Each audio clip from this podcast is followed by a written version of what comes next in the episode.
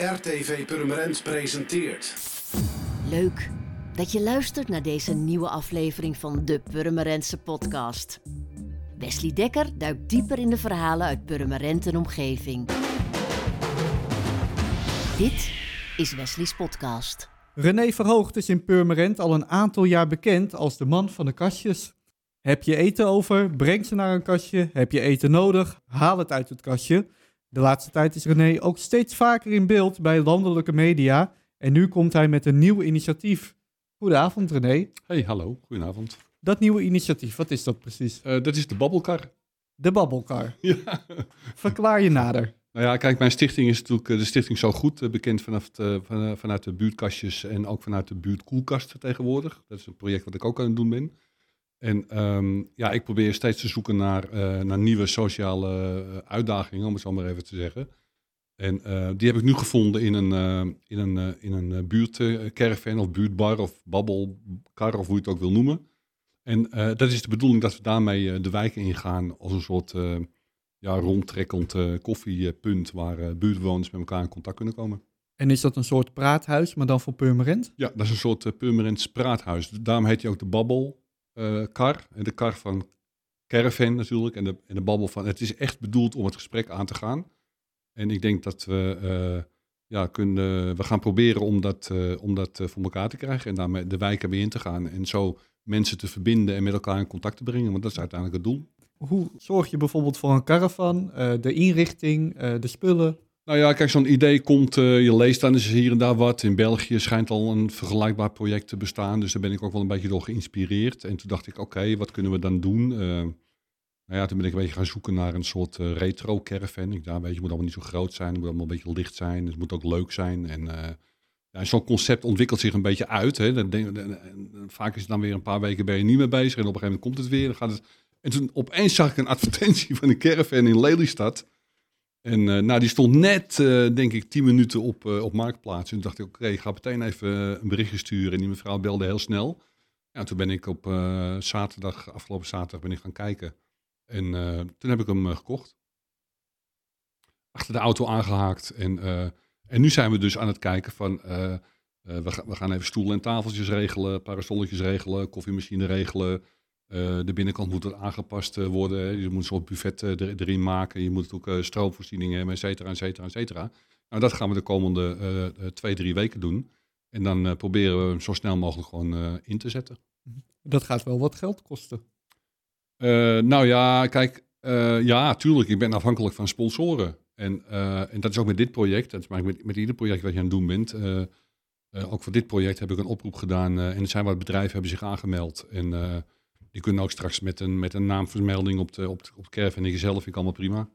En, uh, want ja, uh, en ook met donaties. Er zijn mensen die zijn gecharmeerd van het initiatief.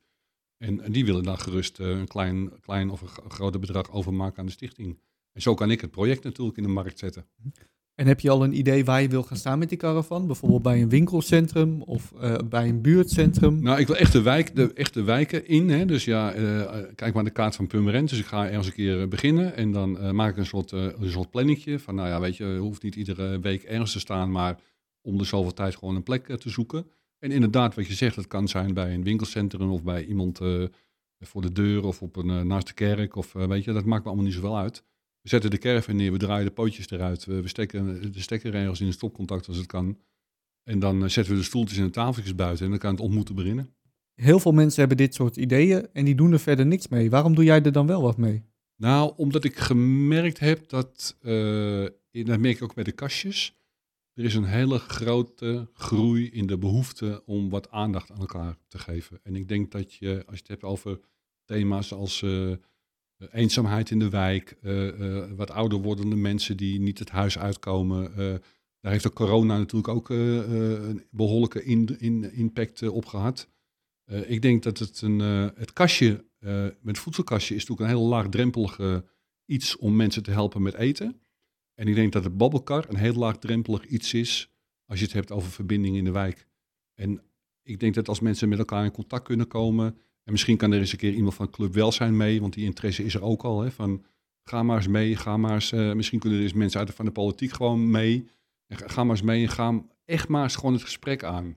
En niet altijd over een, over een, altijd over een heel groot onderwerp, maar gewoon van, nou ja, ik, eh, ik- ik- dit houdt me bezig. Of, eh, dus ik denk dat je ook heel veel informatie kan ophalen. Hm. En ik ben natuurlijk een doener. Weet je, ik wil niet in zo'n concept blijven hangen. Je moet op een gegeven moment ook gewoon gaan. Ja. En vind je dat politici meer in zo'n concept blijven hangen en minder doen? Ja, dat zijn praters. En eh, vanuit, eh, ik bedoel, ze gaan natuurlijk de wijk in, dat zie ik ook wel, is prima. Maar ik denk dat het echte verbinden eh, plaatsvindt als je met een stoel en een tafeltje gewoon met een kopje koffie en een taartje misschien of een koekje of zo, gewoon het gesprek met de mensen aangaat. Maar nou kan ik het mis hebben, maar zelf ben je natuurlijk ook jaren in de politiek actief geweest. Klopt, ja. Ja, en ik heb het ook wel gedaan, maar eh, je wordt opgeslokt door allerlei andere zaken, dus heb je daar gewoon wat minder tijd voor.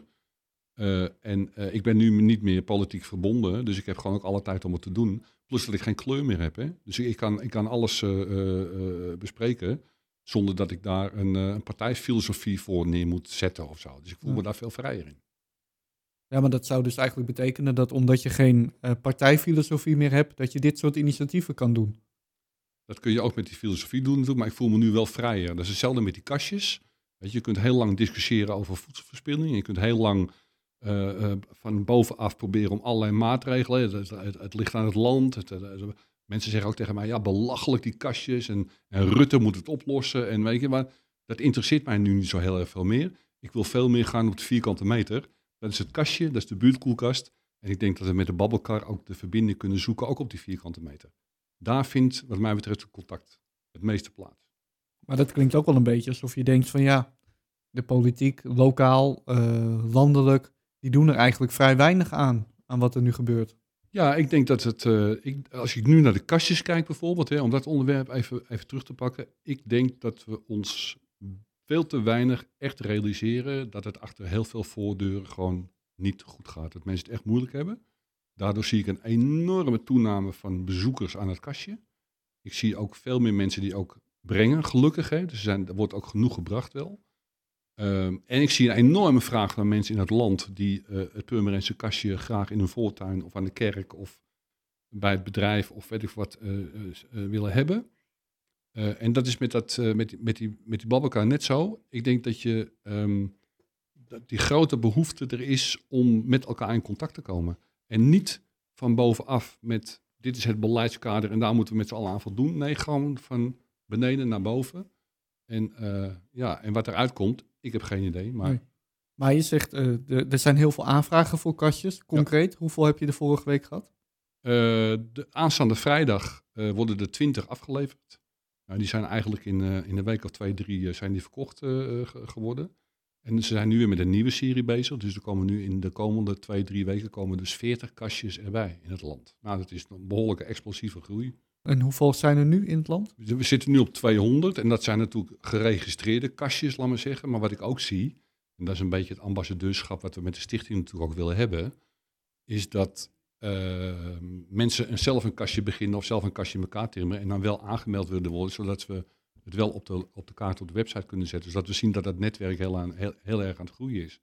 En wat ik een leuke ontwikkeling vind, is dat ik word heel vaak benaderd door woningcorporaties. Ik heb eh, nog niet zo lang geleden een week of twee, drie geleden negen kastjes in Nijkerk afgeleverd bij een wooncorporatie. Eh, een paar dagen daarna zijn er vijf eh, buurtkastjes naar Zomeren gegaan, ook naar woningcorporaties. En die woningcorporaties die vragen aan hun eigen huurders van jongens, wij hebben kastjes. We vinden het een leuk project, we willen het graag in de wijk uitzetten. Wie heeft er interesse in een kastje? En wat die woningcorporaties dan doen, die kopen het kastje. Die zorgen dat er eh, materiaal is eh, om het neer te zetten of op te hangen. Die zorgt dat er een technisch mannetje is om, eh, om het te installeren.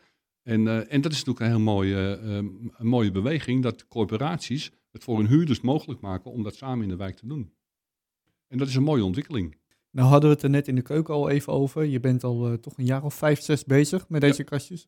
Je zat toen bij Pur Plus om te vertellen van nou, ik heb één kastje in de tuin. En Ja. toen werd de vraag nog gesteld van ja, wat moet je doen als het vernield wordt? Nou, toen Ja. zei je, dan zet ik weer een nieuwe neer. Zo, ja. Dat kan ik me nog heel goed herinneren. Ja. Eh, maar eigenlijk pas de laatste maanden kom je overal, ik hoef de tv maar aan te zetten, of je, je zit overal in beeld. Hoe kan het is, dat? Het is, het is ongelooflijk eh, wat eh, het kastje, als je dat ergens neerzet of aankondigt dat het ergens gaat staan, wat het doet. En alle media duikt er bovenop. En ik heb wel eens gedacht van ja, wat, hoezo dan, waarom dan? Maar mensen zijn echt wel geïnteresseerd in hoe werkt dat en En wat jij zegt, hè, van ja, wordt het dan kapot gemaakt? Of maken mensen er misbruik van? Hè? Uh, halen mensen wel producten eruit die het eigenlijk wel nodig hebben? Nou, allemaal dat soort vragen. En ik probeer het maar steeds simpel te houden. Van weet je, het is voor iedereen, het is ieder, iedere dag open, het is gratis, er worden geen eisen gesteld. Ik ben geen voedselbank. Als je het nodig hebt, houd het dan maar uit. En we vertrouwen iedereen. Dus als je het niet nodig hebt, kom je niet. Als je wel wat wil geven, dan kom, dan kom je maar. Nou, dus in alle interesse komt natuurlijk nu wel door boodschappen zijn duurder, uh, corona is geweest, zijn allemaal een beetje aan elkaar gegroeid. Dus er is heel veel interesse in dit soort maatschappelijke, kleine maatschappelijke initiatieven. Dat is het. Niet groot denken, maar klein denken. Weer naar, terug naar die vierkante meter. Ik denk dat, dat een beetje de kracht van het project is. En uh, ik, ik, had het net even over die woningcorporaties. Ik ben uh, op een gegeven moment benaderd door een groot bouwbedrijf.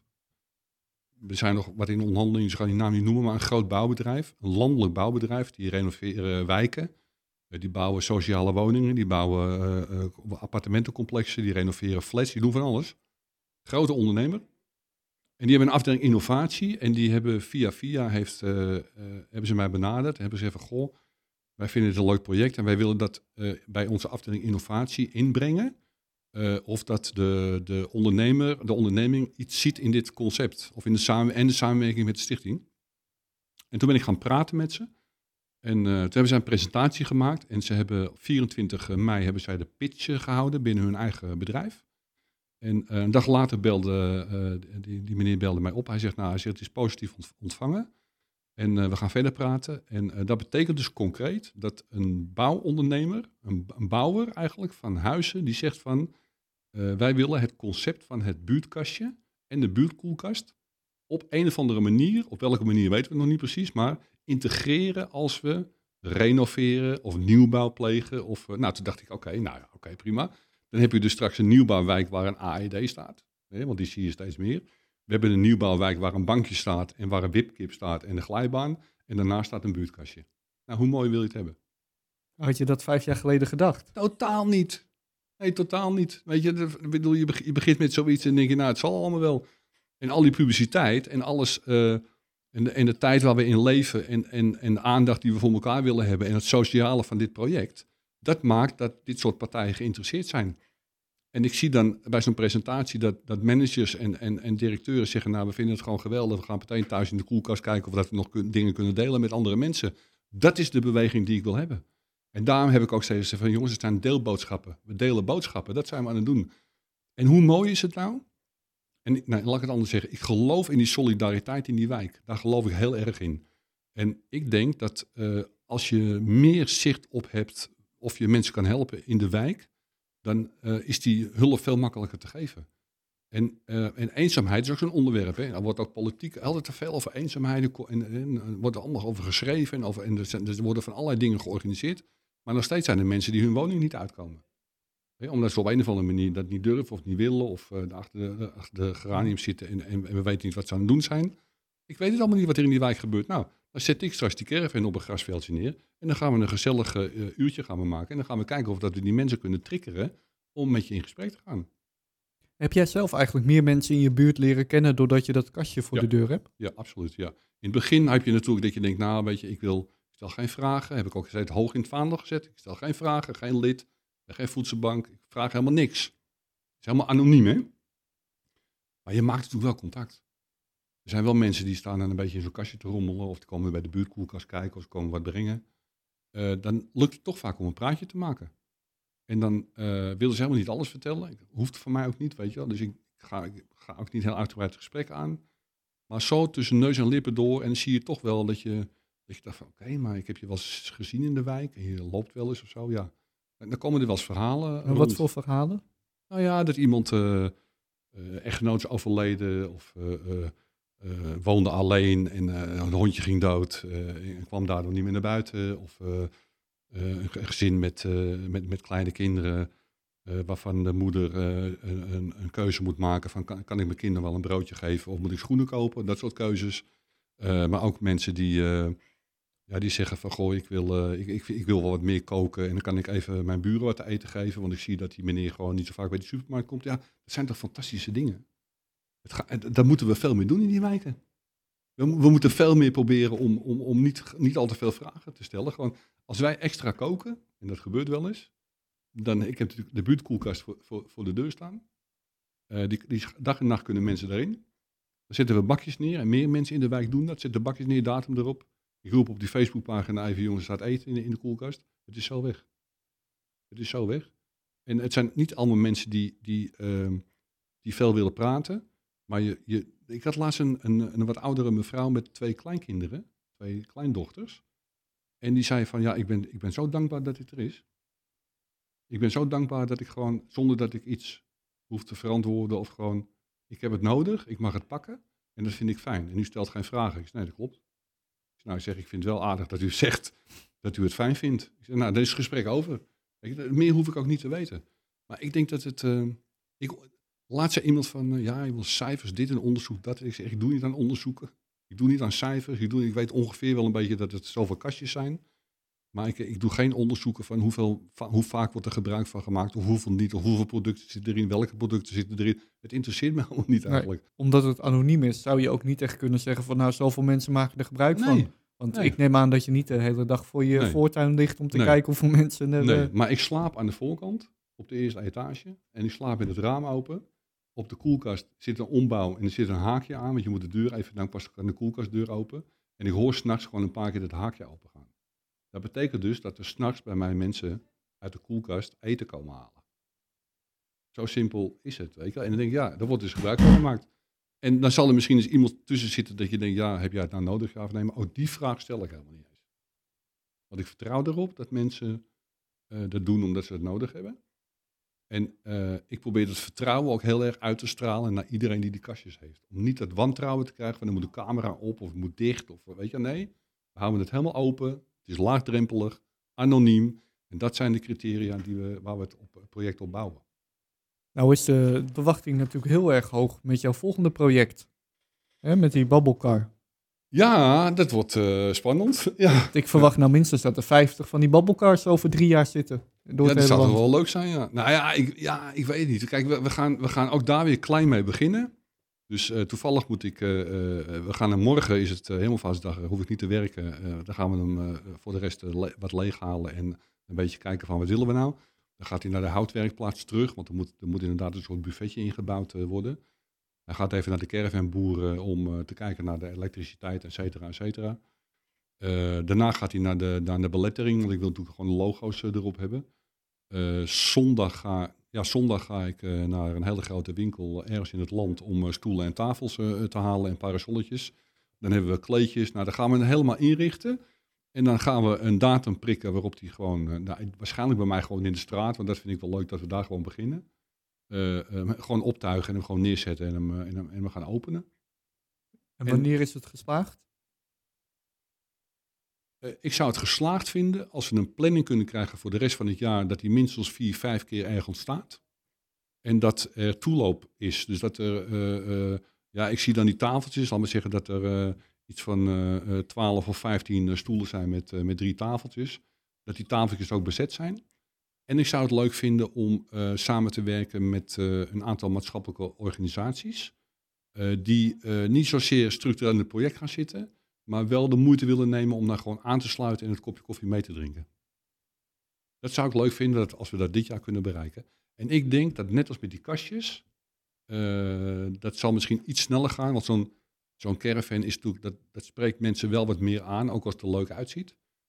En, eh, dus, dus ik denk dat dat misschien wel iets sneller gaat. En dan maken we gewoon een plan. En kijk, voor de rest kan je hem ook, eh, kijk, bij Reuring ga ik hem niet neerzetten, red ik niet meer, maar volgend jaar misschien wel. Ik weet- maak het maar groter. Wij maken, ik, we, gaan, we gaan het wel zien. We gaan Ik, het wel zien. ik wens je heel veel succes. Ja, dankjewel.